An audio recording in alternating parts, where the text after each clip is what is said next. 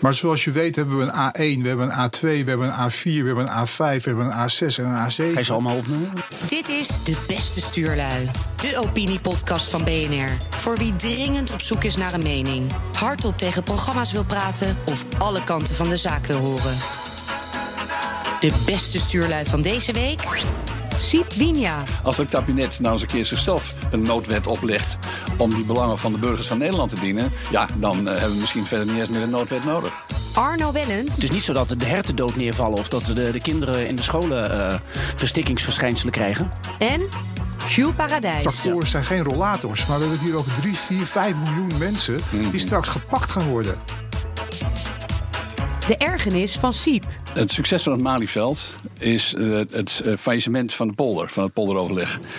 Eh, dat heb ik niet eh, vandaag bedacht, dat heb ik al veel langer eh, bedacht, eerlijk gezegd. Maar eh, dit najaar wordt het, wordt het evidenter en zichtbaarder dan ooit tevoren. Eh, dus je ziet dat nu werkelijk alle beroepsgroepen de straat op gaan. Niet per se allemaal letterlijk naar het Malieveld. Eh, terwijl we hier spreken, eh, hebben we nog maar net de tweede actie van de boeren op het Malieveld gehad. Tussendoor nog boeren in Beeldhoven, boeren in de provinciehuizen. Eh, en we hebben eh, in deze zomer hebben we de, de zorgopstand gehad. Is niet iedereen opgevallen, want iedereen staat op de camping. En kranten schreven er bijna niet over, tot mijn verbazing. Maar er is iets serieus gebeurd. In die zin dat minister eh, Bruno Bruins van de Zorg... Die, had, eh, die dacht even een nieuwe wet in te voeren voor de verpleging. En die was hem aangereikt door de werkgevers en werknemers in de zorg. Dus de vakbonden en de ziekenhuizen. En die kwam erop neer dat er een nieuwe categorie verpleegkundigen kwam. Met als gevolg dat het merendeel van de bestaande verpleegkundigen in feite van hun diploma's en hun handelingsbevoegdheden werden ontdaan. Die moesten opnieuw in opleiding. En wat gebeurde? Die dames, die, dames zijn het van van 80%, die kwamen in opstand. De heren trouwens onder die dames iets, vaker, maar whatever. Er kwam dus een opstand, eh, die ik zorgopstand ben gaan noemen. Eh, en wat leidde er toen nog voor de zomer voorbij was, trok Bruno Bruins die hele wet in. Was het bestuur van de beroepsvereniging afgetreden. Eh, dat was een duidelijke illustratie van de, zwakte, de zwakheid van het bestel. Hè. Dus de, de polder bestaat eruit dat de werkgevers en de werknemers, of andere belanghebbenden, die ruilen als het ware hun belangen uit. En dan komen ze met het resultaat bij het kabinet. En het kabinet zet een stempel op en is het klaar. Dat hebben we sinds de Tweede Wereldoorlog, sinds de jaren 50, vaak gedaan op het punt van, eh, van laten we zeggen, kapitaal en arbeid, werkgevers en werknemers. Eh, en dat is de laatste tijd, de laatste decennia al gaandeweg uitgebreid naar het natuurbeleid. En de afgelopen twee, drie, vier, vijf jaar is het ook uitgebreid naar het klimaatbeleid. En dat gaat allemaal onder de veronderstelling dat dat draagvlak oplevert. Dus als je als een vakbond, dus laten we zeggen VNO-NCW, een deal maakt met een vakbond, met het FNV, dat je dan allemaal alles geregeld hebt, dan heb je, vak, dan heb je draagvlak in Nederland, dan heb je verder met niemand iets te maken. Dat hebben we ook gezien met het klimaatakkoord. Maar de enigen die er niet bij aan tafel zaten, waren de burgers. Wat zie je nu? De burgers, werknemers, boeren, bouwers gebruiken Facebook en WhatsApp om in opstand te komen naar het, naar het zich laat aanzien tegen het kabinetsbeleid. Maar die wezen ook tegen hun eigen vertegenwoordigers. Want die vertrouwen ze niet meer. Die leveren niet de belangenbehartiging die ze hadden mogen verwachten. En dus zie je achter elkaar dus nu de boeren. Volgende week de bouwers.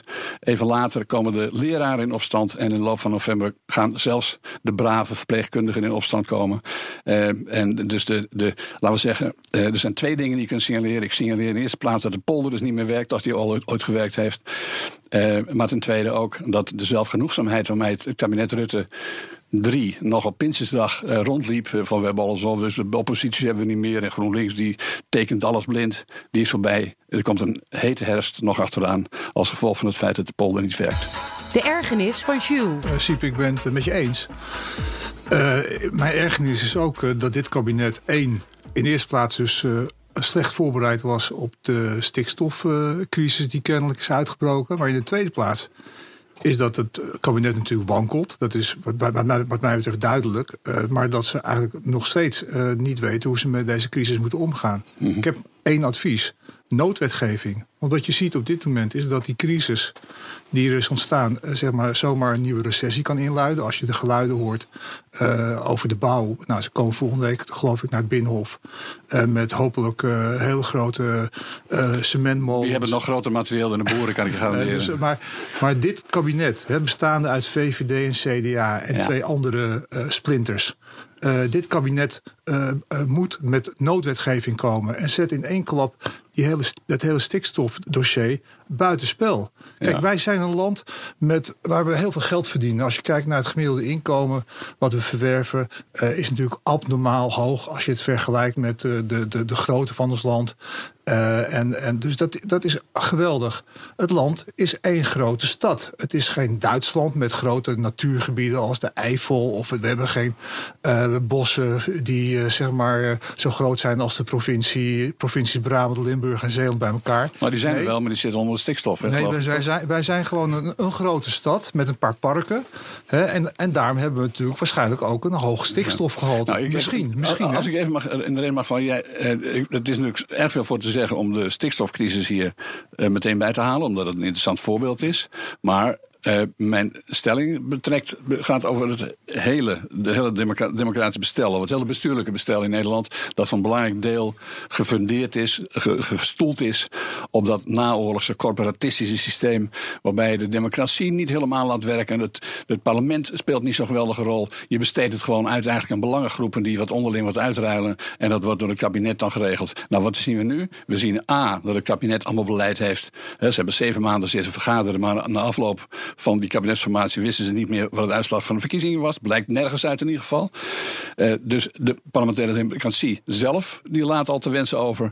En de parlementaire democratie, die een deel van zijn werk had uitbesteed aan de polder, de polderraad van werkgevers en werknemers met name, uh, die blijkt ook niet te werken. Dus we hebben met een fundamentele kwestie van doen, die in zekere zin nog uitstijgt boven de vrij fundamentele kwestie van de stikstof. Nee, maar kijk, het is in 1994, tijd, tijdje terug, 25 jaar geleden, is een verplichte advisering door de SER destijds afgeschaft door het eerste Paarse kabinet. Hè? Dat was een teken dat uh, we hebben de polder niet meer nodig, want de, het primaat komt bij de politiek te liggen. Ja. En nu zijn we dus een paar kabinetten verder en nog steeds bestaat die vervelende SER. Nou ja, uh, en dat niet alleen. Ze gaan natuurlijk, de, iedere kabinetsformatie, bij alle kabinetten Rutte, die hebben gewoon allemaal akkoord. Zetten voortdurend uh, wat ze niet afspreken in de kabinetsformatie, dat spreken ze af in akkoorden. En die akkoorden zijn bijna altijd afspraken met en in, in trio-vorm met dan de sector of zo zoiets. En dat is, dat is dus voortzetting van het corporatisme in een, met een soort nieuw jasje. Maar het is niet minder, het is eerder meer geworden. Terwijl de fundamenten onder het stelsel buitengewoon zwak zijn. Maar tot slot, hè. Ik vind dat dit kabinet met noodwetgeving moet komen. Voor de stikstof. Maar misschien wel voor al die dingen die fout gaan. De ergernis van Arno. Ja, dat, dat, stikstof dat is nou juist een, een voorbeeld waarbij de sector het, het, het, polder, het poldermodel het heel goed doet. Zoals je dat noemt, de polder. We gaan het samen oplossen met z'n allen. Wij hebben helemaal geen stikstofcrisis. Er is ook helemaal geen milieuprobleem. Dat is het fascinerende hier. Um, ik heb eens gekeken naar die stikstofcrisis, waar dat nou vandaan komt. Nou, je had begin jaren 90 had je inderdaad wel wat te veel stikstof. Ik heb er wel cijfers bij, bijvoorbeeld uh, stikstofoxide, want daar gaat het dan om. Dat komt vrij bij bouwen. En... Dat, dat, bij het verkeer en de bouw. Want bij, bij de landbouw gaat het natuurlijk over ammoniak. Gaat het, maar daar, daar, zie je hetzelfde. Uh, 1990 stoten wij in Nederland uh, 650 miljard, nee, miljoen kilo uit. 650. En dat daalt in 2018 naar 250. Dus dat is een daling van 60% En bij ammoniak zie je dat ook. En kijk, als je uitstoot wil laten dalen, dat geldt ook voor de uitstoot van CO2. Als wij nu met z'n vieren de uitstoot van CO2 willen laten afnemen tot nul, dan moet je gewoon zelfmoord plegen. Dat is heel, heel naar heel cru, maar dat, zo werkt dat. Als je nou zegt, nou, we willen toch wat aan het milieu doen. Maar dan op een manier waarbij we niet te veel de economie beschadigen. De natuur doen eigenlijk, hè? De, de, de stikstof gaat het vooral over de natuur beschadigen. Ja, de, de, de natuur beschermen. Om de, om de, ja, je wil de natuur beschermen. Maar je wil ook dat mensen nog wel een baan houden. Dus dan moet je dat per jaar doen. Dan moet je een afspraak maken. En dan ga je met wetenschap, milieubeweging, boeren, politiek ga je aan tafel zitten. En dan vind je een manier om die uitstoot van stikstof te reduceren. Vrij spectaculair. Ook ammoniak. 60 procent uh, in die periode. En ineens in 2019 is daar een crisis. Weet je waar die crisis ineens vandaan komt? Het is niet zo dat de herten dood neervallen of dat de, de kinderen in de scholen uh, verstikkingsverschijnselen krijgen. Er is een meneer, die heet Johan Vollebroek. Ja. En dat is een hippie. En die had een specifiek bedrijf op het oog. Dat wilde hij pesten. En dat is uh, een, een pluimveebedrijf uit, uh, uit Maaskantje, geloof ik, ergens in Brabant. En hij dacht, ik ga jou kapot procederen. Gewoon omdat hij een hekel heeft aan die ene specifieke boer. Mm. Want die had een, een vergunning gekregen om zijn stal uit te breiden. Um, en die heeft ze gelijk gehaald. Uiteindelijk wel. Maar, dus hij is, maar, het is, hij, maar bij, hij, bij, bij het Europees Hof van Justitie is die, dat, dat is de. Dat we, hebben, we hebben dus nu in deze kwestie twee juridische uitspraken. Eentje van het Europees Hof van Justitie. Ja, de dus Raad van State volgt dat. De Raad van State is de tweede uitspraak. Uh, en die heeft directere gevolgen in dit geval, zou ik maar zeggen. Uh, maar je kunt natuurlijk die volle broek, die actievoerder, niet verwijten dat die. Uh, dat, is, dat is uiteindelijk de rechter en de wetgever. Maar deze man heeft in zijn eentje meer klaargespeeld dan de milieubeweging de afgelopen tien jaar. Nee, en, maar het moet zo snel mogelijk gekomen worden. Nee, maar toch is het de rechter. Of die volle broek nou wel of geen hippie is, het in de Sip niet zo vreselijk is. Ja, dat is een flinke hippie hoor. Hij komt okay, uit een bed maar, van mee onder. D'accord, maar dat is als zodanig geen strafbaar feit, lijkt me. Maar hij. Uh, het, dat, hij, uh, dat hij succes probeert te hebben bij de rechter, dat mag hij. Dat, dat is een goed recht, iedereen. daar zijn we het eens. Ja. Dus uh, de fout ligt of bij de rechter of bij de wetgever of bij allebei. Nou, ik vond het inspirerend wat je in het begin zei. Dat je zei, de, de polder is een beetje kapot. Nee, kijk, die, die polder die functioneerde inderdaad heel goed. Dat heb ik eens gezegd, maar hij functioneert niet. Functioneerde, want je, tenminste, je, zijn, je zegt nu functioneert hij niet. Dat betekent dat wij vroeger iets hadden heel moois, een polder, en dat hij het toen wel deed. Nou, ik, vind dat, dat, dat stikstof, dat is, een, dat is een mooi Sorry dat ik, ja. anders blijft dit leven. Het is niet zo dat ik ontzettend veel tranen laat over het niet functioneren van de polder. Okay. De polder is een corporatistisch model, dat is niet voor niks door als eerste door Mussolini en Salazar om, om, om, omarmd. Ik ben er geen grote voorstander van. Maar je kunt nog van zeggen dat het werkt, of in ieder geval niet te veel schade. Maar als het niet eens werkt dan moet je er anders tegenaan kijken. Ik bedoel, sorry voor deze interruptio. Maar, uh, anders... ik, ik, was nog wel iets, iets positiever over die polder. Ja, wel, maar je gaf nu een samenvatting van, van, van mij. Nee, dat, dat, dat, ik erover denk, uh... terwijl dat niet helemaal recht doet aan mijn opvatting in dat verband. Oké. Maar als je, okay, als je puur naar het stikstof kijkt, dan kun je wel zeggen dat de polder, om het zo maar te zeggen, heeft gewerkt. Je gaat met z'n allen om een tafel zitten. Je wil de economie niet te veel beschadigen, wel het milieu helpen. Nou, dan slaag je er in vrij korte tijd in om toch die uitstoot spectaculair te laten dalen. En wat ik wel vrij schokkend vind, is dat wij als land ons nu laten aanpraten dat wij een acute milieucrisis hebben. Het is een bureaucratische beslissing geweest. Het is een een enkele activist die op een bepaalde datum besluit om dit te doen. Hij had het ook drie jaar later kunnen doen. Dan hadden we de stikstofcrisis drie jaar later gehad. activist kunnen zijn. Ja, of een andere. andere rechter met dezelfde uitspraak geworden. Ja, maar de vraag is toch gewoon of, of wij met z'n allen voelen dat dit land uh, zeg maar in een milieucrisis zit, ja of nee. Als we accepteren omdat we het zo goed met elkaar hebben. Als het gaat om de, om de werkgelegenheid, als het gaat om onze welvaart. Ook als het gaat om onze natuur, want die hebben we natuurlijk. Als je kijkt naar grote steden, zie je toch grote groene plekken. In tegenstelling tot steden in het buitenland. We hebben het helemaal niet zo slecht voor elkaar. Nee, maar het probleem is, je, je, je, geeft zelf wel een opsomming. We hebben in dit land van alles te veel. Ja, je kunt niet uh, eh, 10 miljoen koeien hebben of daar een trend en nog 10 miljoen varkens en 100 miljoen kippen. En uh, een, een, jaarlijkse bevolkingsgroei van 100.000 mensen, eh, mensen die ergens moeten wonen. Dan laat je en dus, indoctrineren door, door nee, nee, nee, nee, nee, nee, nee, de optelsom. De optelsom. En, je kijkt naar de, wat het huidige kabinet ook wil. Het huidige kabinet wil klimaatkoploper van de wereld zijn. Je kunt niet en klimaatkoploper van de wereld zijn... en natuurkampioen en stikstofkampioen... en een bevolkingsgroei van 100.000 mensen per jaar... En al, en inderdaad, die veeteelt allemaal. En dan kies ik voor economisch kampioen. Zeker. Ja, we, het kan zomaar zijn dat wij als samenleving accepteren dat, we, dat onze welvaart uh, misschien iets belangrijker is dan nog een natuurpark aan, aanleggen. Dat is gewoon een keuze. Kijk, nou, het, het, het, mooie, het, mooie is dat dat nu dus in Nederland wel meevalt. Want wij slagen erin om natuur te herstellen. De werkgelegenheid in de landbouw op peil te houden. En intussen de uitstoot van schadelijke stoffen met 60% te laten dalen. Ja. Dus het, het, kan. Maar als je kijkt naar de doelstellingen van het huidige doelstelling van het beleid, dan, heb ik, dan kijk ik even vooruit in de toekomst. Dan gaat dus de bevolkingsgroei door. Dan wordt er ieder, ieder jaar weer een stad als Leeuwarden bijgebouwd. Die natuurlijk niet, die kan niet. Nou, nu niet, ja. Ja, zo maar. Je mag niet meer bouwen. Nee, nee, ja, maar, nee d'accord. Uh, maar ik zou je zeggen, we hebben hier in Nederland een minister van Economische Zaken. Die hebben we al sinds mensenheugenis. Maar tegenwoordig is dat de minister van Economische Zaken en Klimaat. Die houdt zich wel met het klimaat bezig. Overigens niet met klimaatkosten. Ja? De, toen, die, toen die aantrad, zei dat het klimaatbeleid uh, best hartstikke duur ging worden. En toen hij erachter kwam dat dat slecht doorkwam, toen heeft hij gezegd: Nou, dat is eigenlijk niks. En, en je gaat geld verdienen als je je huis isoleert en dat soort zaken. Terwijl reële berekeningen. Trouwens ook in Duitsland. Het geldt niet alleen. Duitsland is ook nog ambitieus op dit vlak aan het worden. Het kost gewoon handenvol geld. Hartstikke, echt, eh, eh, eh, misschien wel in de dubbele cijfers van je BBP als je het klimaatbeleid uitvoert. Niet mijn klimaatbeleid, maar het mhm. klimaatbeleid dat het kabinet zelf organiseert. Die minister van Economische Zaken, die ook minister van Klimaat is, die heeft werkelijk geen enkele berekeningen over de schade die het bereidt die, voor de economie, dat zijn eigen beleid op punt van klimaat en eventueel van stikstof en wat ik meer zei, tot gevolg heeft. Maar als Nederland een deelstaat zou zijn geweest van Duitsland, hadden we dit probleem nu niet gehad. Is dat een pleidooi voor. Uh... Nee, dat is een gevaarlijke uitspraak, omdat, omdat je dat niet wil. Maar, maar Nederland is zo klein en heeft zoveel economische activiteiten. Uh, en, en is inderdaad versplinterd als het gaat om natuurgebieden. VNO-NCW heeft bijvoorbeeld bij de vorige verkiezingen gepleit om gewoon een heel groot deel van het IJsselmeer in te polderen en daar een natuurgebied van te maken. Dat je echt iets groots doet. dat is misschien wel de weg. maar we zijn nou eenmaal gewoon een klein land. Ja, maar wat hebben we gedaan? We hebben 140 natuurgebieden ingediend bij, bij Brussel. Hè? Die Natura 2000. Ik, ik zeg mijn hoofd, het kan er 130 kunnen er ja, zijn. Meer, maar, dat... maar goed, in die orde van grootte. Uh, dat is het grootste aantal natuurgebieden. Uh, dat is geloof ik meer dan, dan, dan Frankrijk heeft. Dus dat past precies, tenminste uh, flauw gezegd, in mijn, de schets die ik net gaf. Je kunt niet en de meeste natuurgebieden hebben. En het beste klimaat en de meeste inwoners en een goede economie. Maar zoals je weet hebben we een A1, we hebben een A2, we hebben een A4, we hebben een A5, we hebben een A6 en een A7. Ga je ze allemaal opnoemen? En de A3. En de A3 hebben we bijvoorbeeld niet. Die weg die moet er komen, want het is een rechtstreeks verbinding tussen Amsterdam en Rotterdam.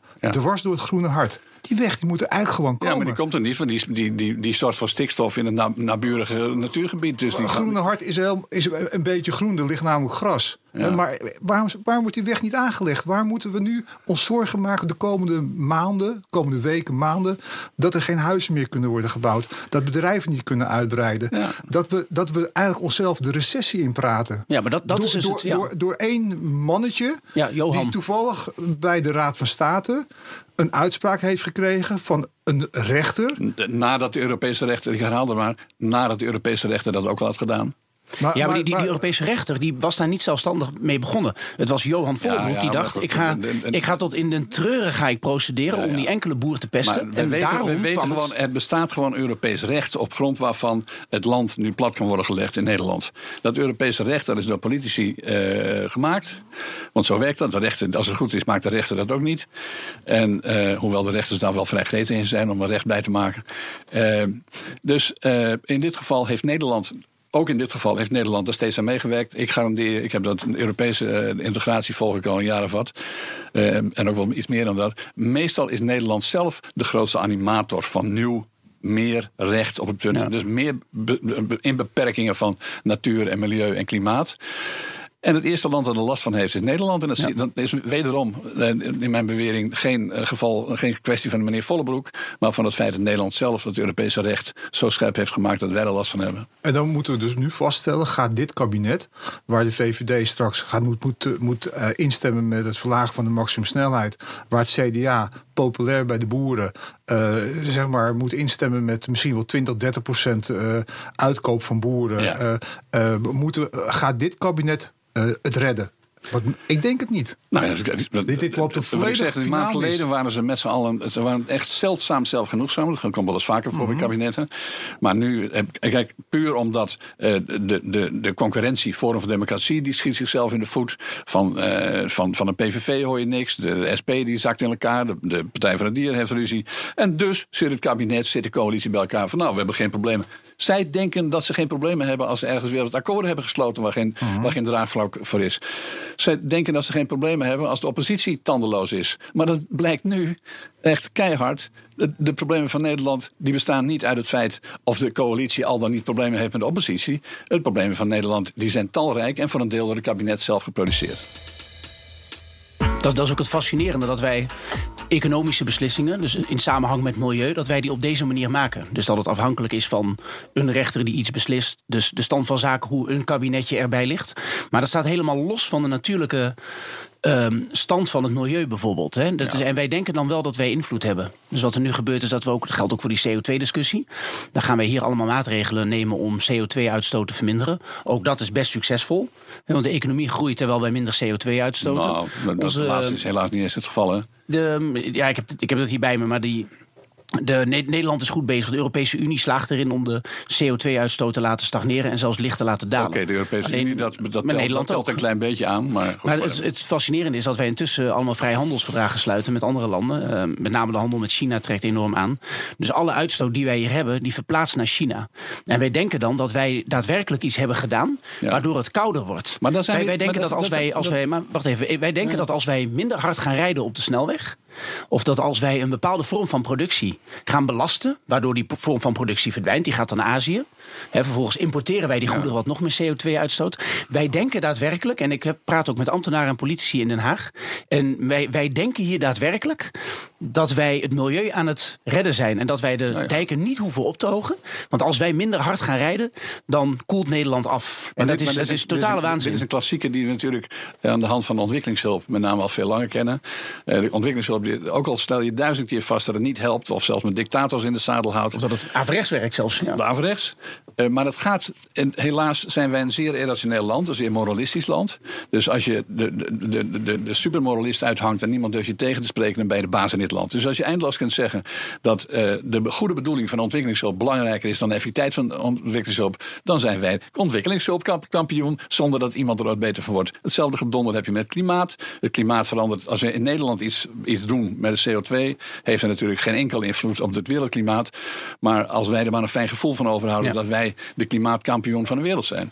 Dus in, het gaat nooit over effectiviteit. Dan hebben we ook die polder er nog weer bij. Of die kabinets, uh, die coalities. Want die 130 kilometer van, de, van die wegen, dat levert, als het, dat levert geloof ik een half procent minder uh, stikstof. Uh, Want die, de, de, wegen zijn sowieso, het vervoer, transport is sowieso maar een zeer klein deel van het stikstofprobleem als dat bestaat. Uh, maar waarom gaan we dan toch die snelheid inkorten? In, in Omdat D66 in het kabinet zit en D66 wil dan ook uh, dat de VVD inlevert. Heeft dan niets met de werkelijkheid van doen. Nee, dat ook, ook, staat los van de. Ja. Ook omdat heel veel mediapapagaaien. Want op het moment dat je naar uh, Nieuwsuur kijkt of je kijkt naar een aantal andere linkse uh, media, luistert of kijkt naar linkse media, dan wordt er meteen die, die maximum snelheid wordt erbij uh, gebracht. Hè? Want het is natuurlijk het meest simpele wat je maar kan bedenken. Als je naar bijvoorbeeld zo'n uh, zo'n Francisco van Joel luistert, van Joop, als het gaat om de milieumaatregelen, of je luistert inderdaad naar, naar, naar elke avond naar Nieuwsuur. God verhoede het, hè? Ja. Dan, dan, dan, dan, dan, ga, je, ga, je, dan ga je mee in die stroom. Terwijl, terwijl mijn punt, en dat is misschien ook de oplossing uh, waar we het over moeten hebben. Wat, hoe, wat gaan we nu met z'n allen doen? Kijk, mijn punt is gewoon van opzij met die, uh, met die ja. uitspraak van, van, die, van die rechter. Noodwetgeving. Uh, dat is wat Rutte nu moet doen. Die ja. moeten ondernemers, uh, de mensen die een woning zoeken, uh, die moeten bedrijven, moet hij gaan helpen. En dan moet hij zijn volle gewicht in gaan gooien. Ja. En hij moet niet meebewegen met, Alleen met dan pleit ik er wel voor. Dan pleit ik ervoor om nog tien noodwetten. Want kijk, we hebben een, een tactiek. Nee, we hebben het over één noodwet hier. Ja, stikstof. Ja. Alles, stik, alles stikstof, buitenspel zetten. Nou ja, dat klinkt ook niet helemaal democratisch. Maar, maar dat maakt niet uit. Nou, dat hecht ik wel erg aan. In principe, als jij een woning zoekt en die mag niet gebouwd worden. Ja, ja dan slaap je onder een brug. Nou, dan, jij, dan, moet die Brusselse rechter maar even, of in Luxemburg zitten. Als jij een bouwonderneming hebt en je mag niet bouwen. Als jij gemeente bent ja. en, je, en je mag je industrieterrein niet uit, uitbouwen. Als jij, als jij notabene het Binnenhof bent. Kijk, als er een, een daadkrachtig kabinet dat nou voor het eerst in negen jaar wel kijkt wat de belangen van de Nederlanders dient. En, dat, en nu eens niet kijkt naar de belangen van het klimaat of het belangen van, uh, van allemaal dingen die niks met de burgers van Nederland te doen hebben. Als het kabinet nou eens een keer zichzelf een noodwet oplegt om die belangen van de burgers van Nederland te dienen, ja, dan uh, hebben we misschien verder niet eens meer een noodwet nodig. Maar dan zit je wel met het probleem dat, je, dat de Johan Vollebroeken van deze wereld... die kunnen nog steeds naar de Europese rechter. Of iemand anders, of naar een andere rechter. Of een jaar eerder of later. En of, of, of je wij, wij, wij leggen ons daarbij neer. Ik ben er zelf geen voorstander van. Maar de beste oplossing is natuurlijk in dat geval de Nexit. We hebben, we hebben ja, oh. nou, nogmaals, ik heb, ben daar zelf nooit voorstander van geweest. Maar waar ik altijd wel voorstander van ben geweest, is opt-outs. Dus wat de Denen vooral hebben gedaan en wat de Britten in feite ook deden voordat ze eruit wilden stappen. Dus wel interne markt. Maar als wij zeggen wij willen hier huizen bouwen want we hebben woningnood, dan, uh, nou ja, dan, is, dan kijk, heeft dat primaat. Nou ja, dat, kijk, het spel in Europa werkt dan iets anders. Je, je, tekent verdragen en dan zeg je van tevoren op dat deel doe ik wel mee en dat deel doe ik niet mee. De Denen hebben meteen bij het verdrag van Maastricht in 1991, ja, hebben ze meteen gezegd we doen niet mee aan de euro, we doen niet aan de Europese defensie mee, we doen niet mee aan het Europese burgerschap. Duitsers mogen geen huizen kopen in Jutland. En uh, ze hebben uh, uh, wat, nou ja, nog één of twee vierde dingen. Immigratie doen we ook niet ermee.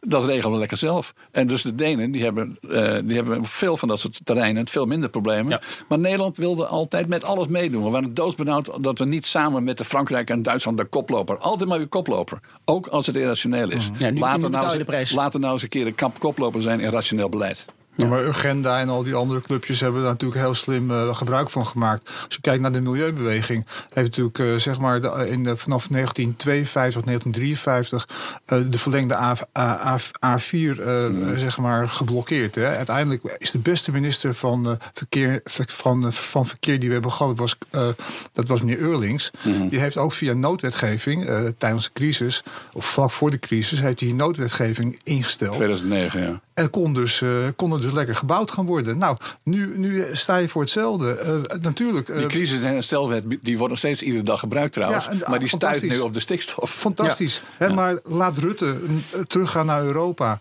Uh, uh, da daar in ieder geval zorgen dat de economie hier geen schade van gaat ja, oplopen. Maar ik vrees, en dat sterker nog, dat weet ik wel zeker, de kans dat een zichzelf overschattend land als Nederland iets bereikt in Europa, moet je vergeten. Het enige wat een zichzelf overschattend land als Nederland kan doen, is zeggen, alsnog uh, proberen om die opt-outs te krijgen. Om niet, dat, we, dat we niet meedoen aan dingen die, die schadelijk voor onszelf kunnen zijn. Ook al hebben we dat zelf misschien schadelijk gemaakt. Ja, en dan wel de vraag inderdaad bij dit, in het geval van stikstof of dat nog kan. Want uh, die, die uitspraak ligt er al. Nederland heeft al gezegd wij verbinden ons hieraan.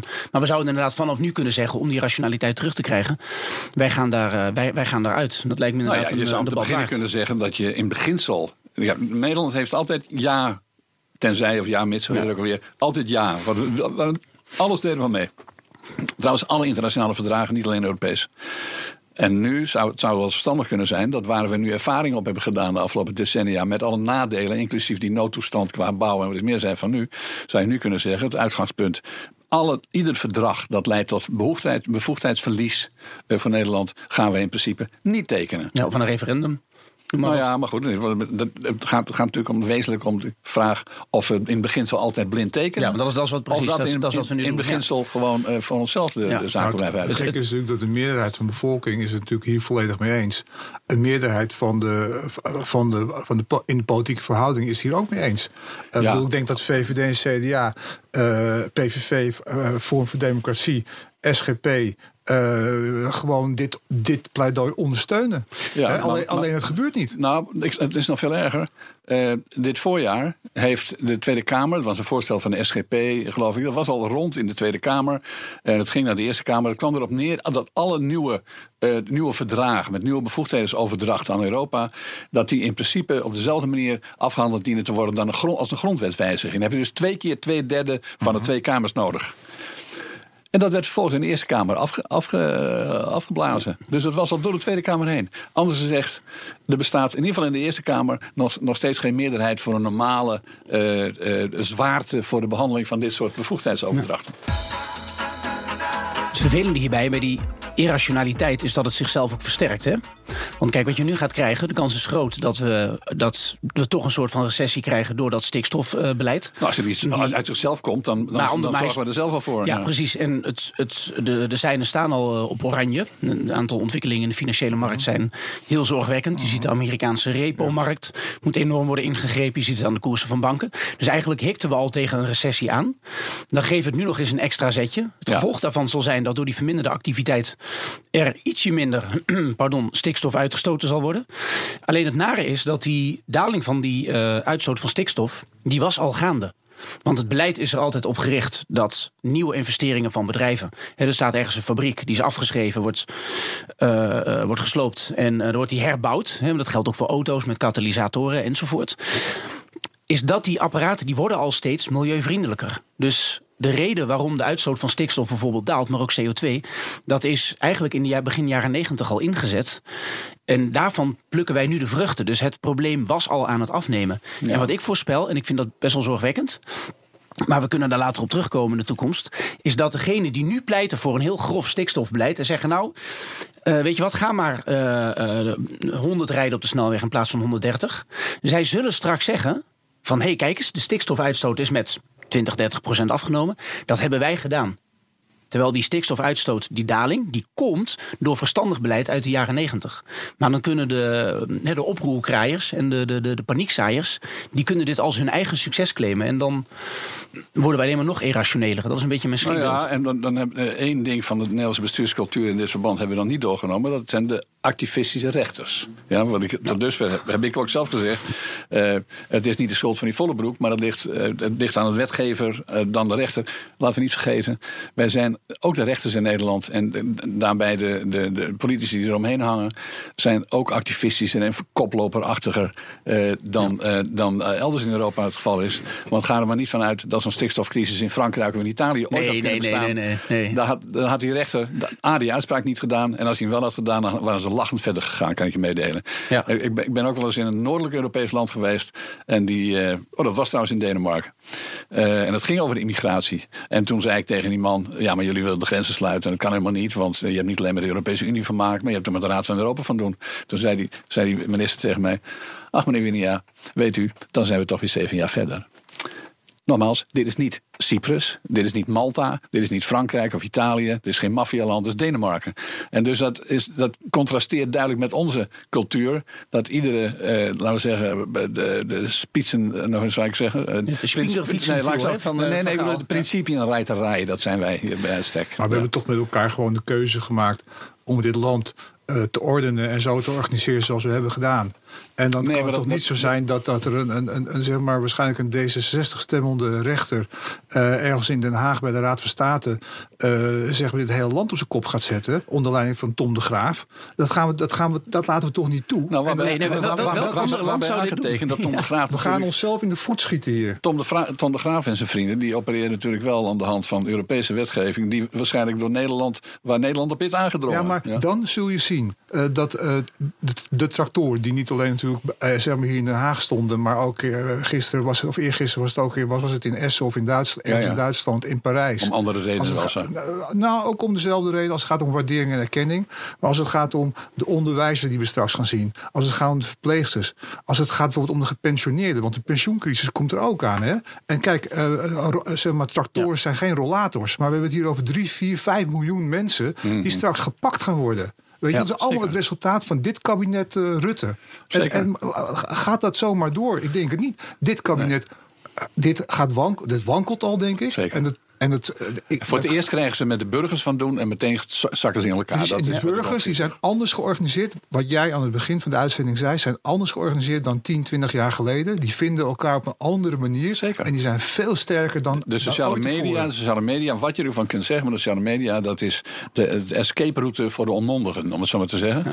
En daar wordt actief gebruik van gemaakt. Dat is gebeurd bij de basisschoolleraren, dat is gebeurd bij de verpleegkundigen, dat is gebeurd bij de boeren, dat gebeurt nu bij de bouwers en dat zal straks weer gebeuren bij de leraren en de verpleegkundigen. Het zijn onze ja. gele hesjes. Zo ja. is dat. En het bijzondere is dat, ik hoop dan dat, dat ze een soort, ja, laten we zeggen, dat we de rationaliteit maar weer kunnen terugwinnen. Want ik, ik heb een aantal voorbeelden van gewoon opgezocht, omdat ik dat interessant vind. Van voorbeelden waarbij Nederland zichzelf extra hard in de voet schiet. Terwijl andere landen er niet eens over denken om uh, zeg maar ook in beginsel aan de regels te houden. Bijvoorbeeld dat verdrag van Maastricht mag je geen begrotingstekort hebben. Nou, dat is sinds dat het getekend is 169 keer overtreden. Maar Nederland zal gewoon netjes bezuinigen op uh, salarissen van uh, verplegend personeel, van leraren, um, hè, om, om zich daaraan te houden. Nou ja, maar, maar land als Griekenland. Nederland is niet alleen gaan bezuinigen, ja. daar was ja. misschien best nog wel reden voor, maar is ook gaan lasten verzwaren. Nou, dat is een combi waarmee de economie kapot maakt. Dus het kabinet heeft, door het kabinet, hebben de economie al een keer kapot gemaakt, namelijk in de jaren 2012, 2013. Ja, maar, dat, is die, maar dat, dat, dat wordt dus 169 keer gebroken en Nederland hecht daar dan nog aan. Dan zou ik ook zeggen, nou, als iedereen de, de regels overtreedt, als je in een, uh, in een steriele studio zit. Ja. En drie van de vier mensen die slaan aan het roken. Ja, dan moet je zelf ook meedoen. Ik, kan je precies, maar, maar je, hebt ook, precies vertellen waarom ze dat deden. Ja, maar je hebt ook andere uh, voorbeelden. Vind ik heel leuk met aanbestedingsrecht. Hè? Dan zeggen we buitenlandse bedrijven moeten Nederlandse bedrijven, bedrijven kunnen opkopen. Eh, want dat is uh, vrije markt. Dan denk je nou werkelijk dat als Nederland een Zweeds of een Italiaans uh, bedrijf in de nutsector wil kopen, dat dat, dat, bedrijf, dat, dat land dat zou toestaan? Nee. Sterker nog, wij zeggen nu, we hebben, we hebben het openbaar vervoer aanbesteed. Ja, daar hebben we Connection en Arriva. Maar dat zijn gewoon volle 100% dochterondernemingen van de Franse en de Duitse overheid. De Franse en de Duitse ja. overheid die hebben allebei een, uh, een, uh, een investeringsbank. CDC is bijvoorbeeld de Franse. En die heeft via een aantal uh, tussenstappen bezitten zij gewoon al die Nederlandse vervoermaatschappijen. Die ja. prijzen daarvan gaan omhoog. Je hebt een monopolist gecreëerd. Het geld dat wij hier aan openbaar vervoer besteden, dat gaat linea recta naar Parijs. Maar ja. denken wij nou werkelijk, daadwerkelijk, dat als Nederland een, Frans, een Franse nutsfunctie wil kopen een kerncentrale, een spoorlijn, weet ik veel. Dat Frankrijk dat zou toestaan. Maar die, die wederkerigheid, die, die, die, die, maar die rationaliteit, die, dat, dat verstand van we moeten op lange termijn iets, iets bereiken. Dat, dat ontbreekt in Nederland. Wij zijn zo goed gelovig. Wij denken, we, geven het, weg. het is niet eens goed en de ander, en de, en de, Maar de ander zal het wel respecteren. Nee, het is, maar die doet dat niet. Het is gemarkeerd zelfvertrouwen. Het is, de, het, is de, het is de Calvinist die denkt dat zijn waarheid de enige is. Ja. En dat de rest daar nog even aan moet wennen. Maar, als dat, dat gaat uit van de foute aanname dat wij de rest van de wereld dicteren. En dat is helaas niet het geval. Ja, dat denken we. Dus, dus wat gebeurde er? Dus kijk, in wezen zou je kunnen zeggen dat de Nederlandse Calvinist hier te maken met de Franse katholiek. Om die te zeggen de Jezuïet. En die Jezuïet die denkt, die schaakt die worden verder. Die is niet zo rechtlijnig als de Hollander. Uh, en inderdaad, de, uh, dus die, de, strijd tegen de monopolies in Europa, die is, die de staatssteun en zo, is keurig geregeld door de Europese Commissie. Hebben ze ook veel goed werk geleverd. Valt niet te ontkennen. Uh, uh, in een tijd dat Nederland trouwens nog duizend monopolies had. We hebben het over het mhm. begin van de jaren negentig. En plotseling slaat Nederland, net zoals een, een, een gereformeerde die van zijn geloof valt, van de ene dag op de andere was een communist, zal ik maar zeggen. Dat gebeurde hier ook. Dus ongeveer langs de lijnen die je net al schetste. Wat gebeurde er? Nederland die gooide als eerste zijn nutsbedrijven op de markt. En wie was de eerste die ze kochten? Frans en Duitse staatsbedrijven. Ja, Inderdaad, maar als Nederland, als een Nederlandse bank een Italiaanse bank wil kopen, no way dat dat, uh, dat nou ja, lokale elite dat is uiteindelijk wel gebeurd natuurlijk. Dat is een keer gebeurd uh, door ABN AMRO... die uiteindelijk dan twee jaar later zelf werd opgekocht. Maar dat is een andere geschiedenis, vrees ik. Ja, maar dat, ik, vind dat, ik vind dat tekenend. Dat wij dan denken dat als wij het goede voorbeeld geven... Ja. Dus Nederland zit in de rookruimte van de Europese Unie. En wij steken als enige geen sigaret op, omdat we willen dat de kleren morgen lekker ruiken. Wij, wij, denken dan daadwerkelijk dat andere landen ons daarin gaan volgen. en keer op keer worden wij teleurgesteld. Nederland is als een soort. Ik vergelijk Nederland wel eens als een, als een, een, een blonde vrouw uit Noord-Holland. Die heeft dan een Italiaanse partner. En die Italiaanse partner gaat 169 keer vreemd. Even dat, de analogie van het voorbeeld van het verdrag van Maastricht. Die vrouw dan? Uh, die blijft gewoon bij Die, die blijft daarbij. En die zegt van nou, we gaan nu een document opstellen. We gaan een intentieverklaring optekenen. We gaan een motie indienen door de Kamer. En nu, nu, moet het, uh, nu moet het toch echt wel eens, uh, nu moet het toch echt wel eens gedaan zijn. Nou, ik en zeggen, ik, maar ik, vraag mij af, wanneer zegt de Nederlander nou gewoon eens een keer van... wij zijn zo vaak aan het toegeven. Hè, en er komt nu een bankenunie aan. Dus we gaan nu weer een nieuw fonds opzetten... zodat Nederland betaalt voor het redden van banken in Italië en Frankrijk. En het gaat maar door en het gaat maar door. En ik vraag me nou eens een keer af, die vrouw uit Schagen, wanneer zegt zij nu van. Oh, nu is mooi geweest. Ik denk dat de nou oplossing gewoon ligt dat de, de, zeg maar, de uh, partijen die het uh, gezond verstand uh, prediken. En of je nou van het Forum voor Democratie bent of de, of de partij van Wilders of VVD of CDA, gaan ze een keer bij elkaar zitten om deze idiotie, om dit uh, om zeep te helpen. Gewoon stoppen. En je kunt er nog heel lang over doorpraten, maar dit kan gewoon niet langer doorgaan. Want het, het, het kost ons banen en het is, het is echt onnodig. Want we praten over, nogmaals, over die stikstof. Het is een, het is een, soort, het is een gemiddelde. Het gemiddelde in Duitsland ligt veel lager, omdat het land groter is. Uh, ons gemiddelde ligt heel erg hoog in Europa. Ja, omdat we een klein landje zijn met waanzinnig veel activiteiten. Eh, ja, als, kijk, als we nou een goed functionerende democratie hadden, maar kennelijk functioneert die dan niet zo. Er lopen verstandige mensen rond in Nederland, in meerderheid. Durf ik, die stelling durf ik wel aan voor een volgende uitzending, voor een andere podcast. Uh, dat, er, dat er verhoudingswijs meer verstandige mensen onder de burgers rondlopen dan, dan onder de mensen die ons besturen. En ik weet niet wat, wat hen leidt, uh, maar in ieder geval zelden het belang van de inwoners van dit land. Ja. En dat is de. Ehm, ik denk zelf dat als je heel veel problemen die wij nu hebben. als het dan gaat om oneerlijke concurrentie. Het, het, naleven van die wetten.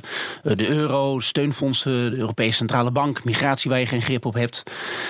Uh, al die zaken die zijn het gevolg van verdragen die wij eind jaren 80, begin jaren 90 hebben getekend. En waarbij um, er een wankele Europese Unie was, die niet goed was opgezet. Dus als landen uh, de, de, begrotingsregels bijvoorbeeld overtreden, dan moet Nederland ze achteraf redden. Maar Nederland heeft van tevoren geen stok om die landen mee te slaan en, en te zeggen van goh, probeer te voorkomen dat je in de problemen komt. dus we hebben heel snel allemaal bevoegdheden weggegeven in het kader van die Europese integratie. Um, waarbij zo'n uh, situatie dan niet bestand is tegen een eerste crisis. En elke keer wanneer je een eerste crisis krijgt, dan zie je dat wij begin jaren negentig die bevoegdheden veel te makkelijk hebben weggegeven aan, uh, aan Brussel eigenlijk. Juichend weggegeven. Juichend hebben we, dat, hebben we dat weggegeven. En nu zien we daar de, de consequenties van. Dus de kwestie is niet alleen van vinden wij dat bijvoorbeeld geld naar A of naar B moet gaan en hoeveel mag dat dan zijn? Nee, we hebben de creditcard weggegeven. We hebben de, pin, de pinpas van Nederland weggegeven. En dan gebeuren er dingen die je niet wil. Dan schrik je daarvan. En ik denk dat we op onze schreden moeten terugkeren. En moeten erkennen dat heel veel van die bevoegdheden te snel zijn weggegeven. Te juichend zijn weggegeven. En dat we die uh, moeten heroverwegen en zelfs terugtrekken. Meer opt-outs, dus. Gewoon. Ja. Dit was weer een aflevering van De Beste Stuurlui. Een opiniepodcast van BNR. Alle afleveringen zijn terug te luisteren op bnr.nl/slash podcasts, iTunes en Spotify. En hou je roer recht.